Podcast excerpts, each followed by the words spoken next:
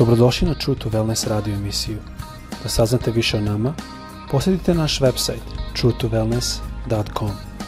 A sad, vaš domaćin, dr. Todorović.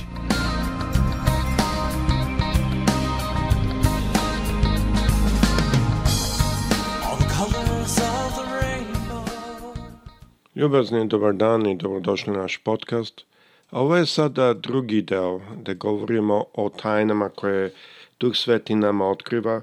U, efektu o čemu mi govorimo je tome da nije mogućno da telasan čovek razume duhovne stvari na telasan način, a može da proba, ali neću uspešan biti. I to je jedan od razloga, kao što smo rekli prošli put, a zašto mnogo raznih crkva postoje. I kao oni koji me znaju lično, vi ćete znati da ja ne stavljam puno na nijenu crkvu, mada sam redovno idem u crkvu, i normalno našao sam crkvu koja meni odgovara, ali ja najviše stavljam na jedan direktan odnos između osobe i gospoda Boga našeg. I, e, i verujem i pronašao sam da je jedna velika tajna da Bog želi da ima takav odnos sa nama.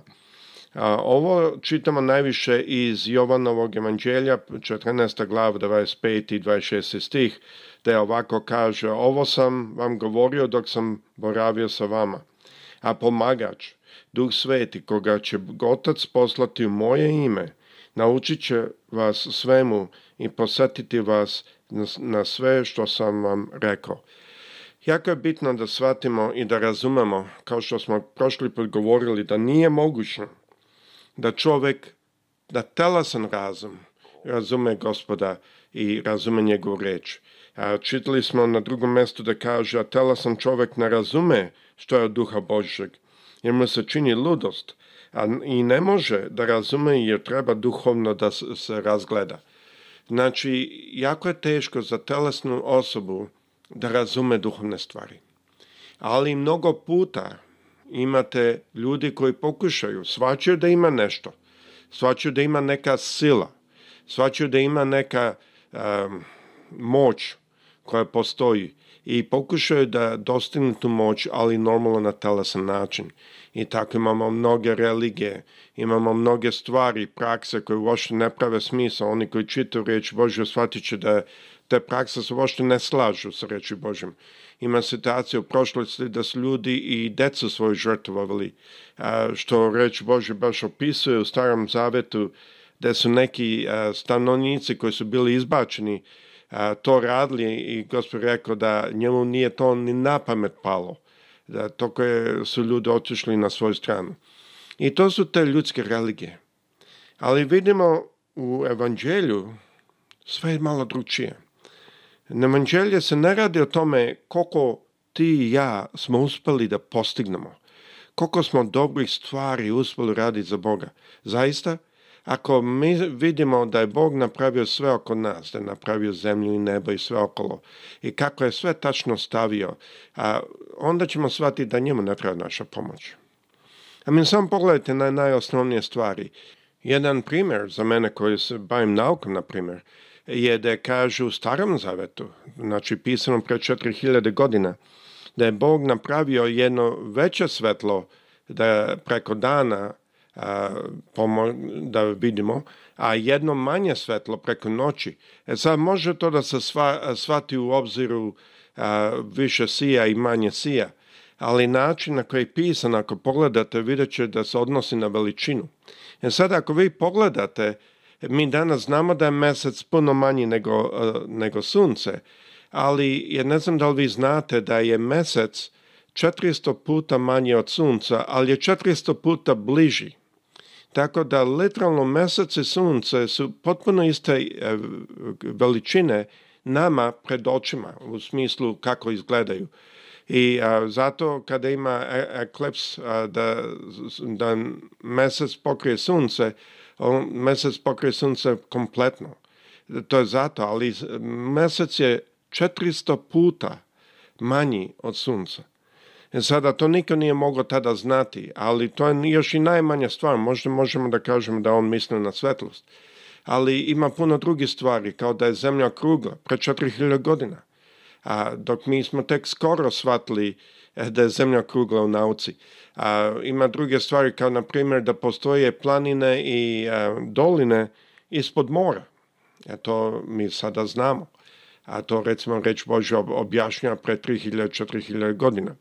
A, tako da ima puno tih situacija da možemo da vidimo da zaista je potrebno reč Božju duhovno slušati i duhovno razumeti. E sada što bi ja želio da uradim, prvo da pustim pesmu pa da malo nastavimo u ovome. Tako, ajdemo saslušati e, pesmu i onda ćemo nastaviti da pogledamo reč Božju.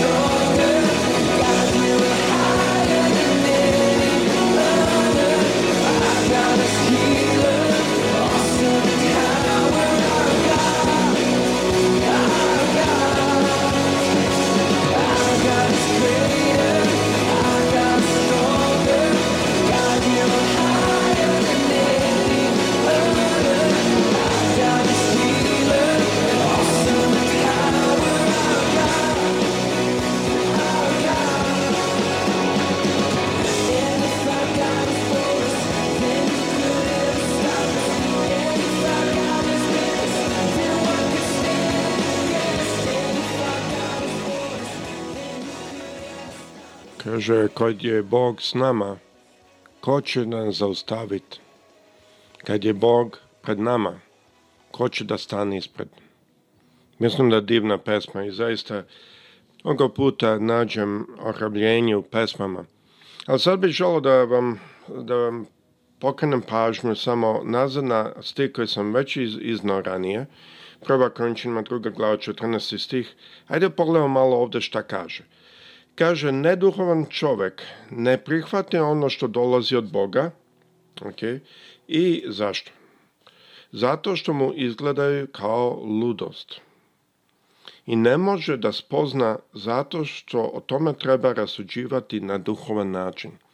Ovdje nam daje malo je jedan, kažem na engleskom, hint ili malo ukaz, ukaz zašto čovjek ne može uvek da razume Boži glas zato što mu izgleda kao ludost.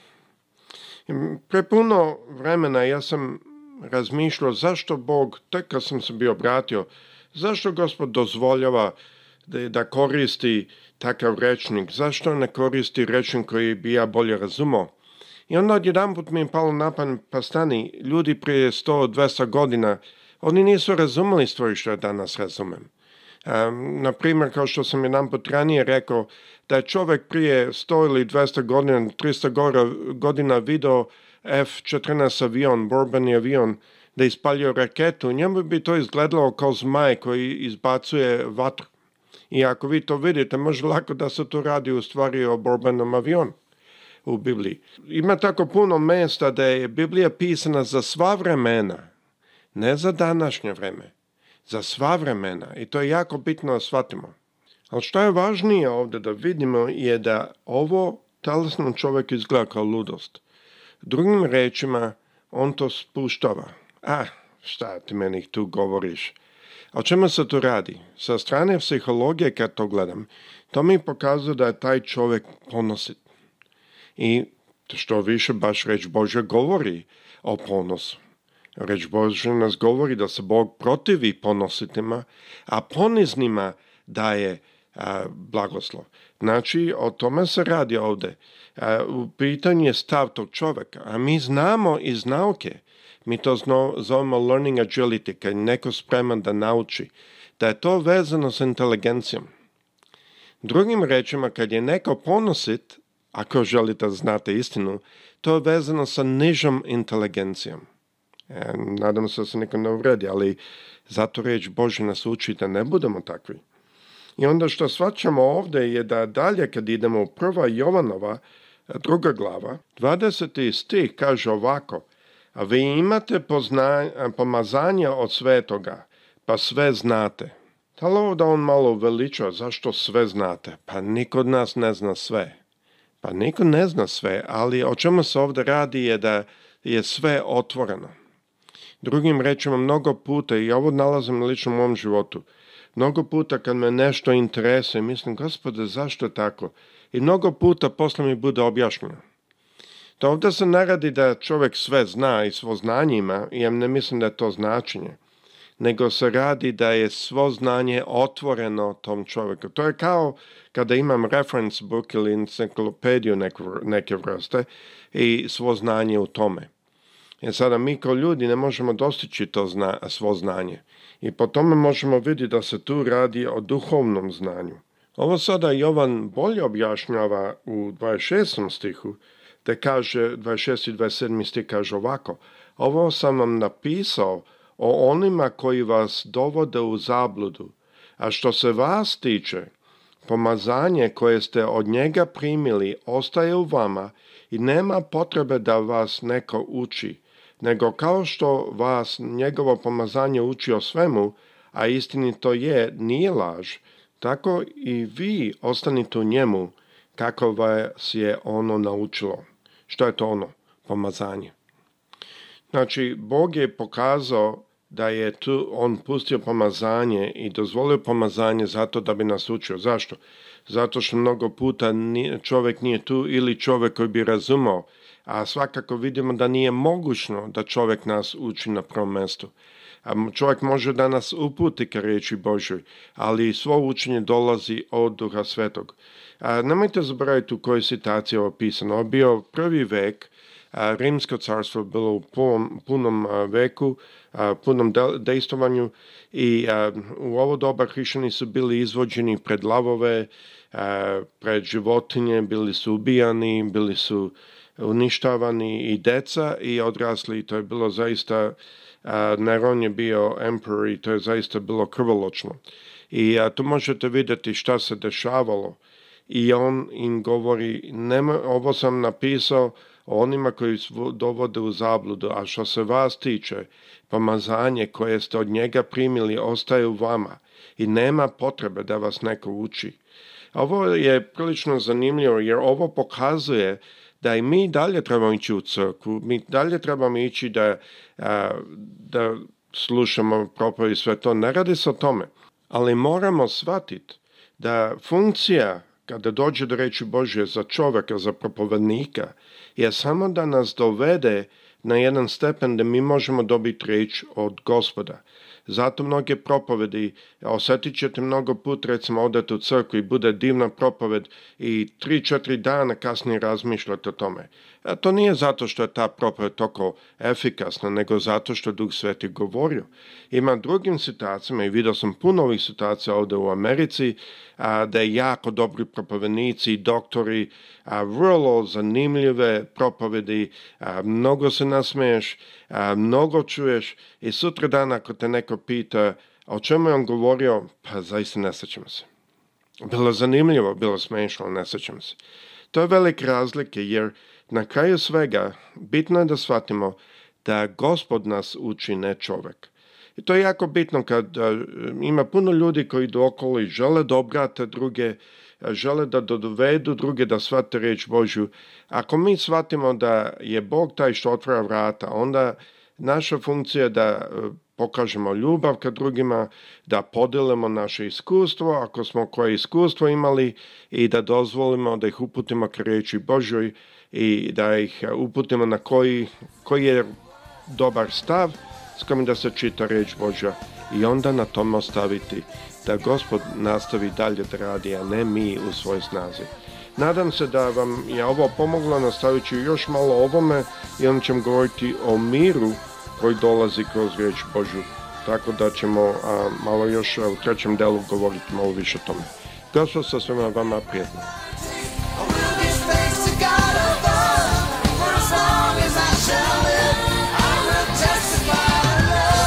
Slušajte True to Wellness radio emisiju. Pridružite nam se ponovno. Za kontakt molimo posjetite naš website truetowellness.com. Naša email adresa je info at truetowellness.com. dot com.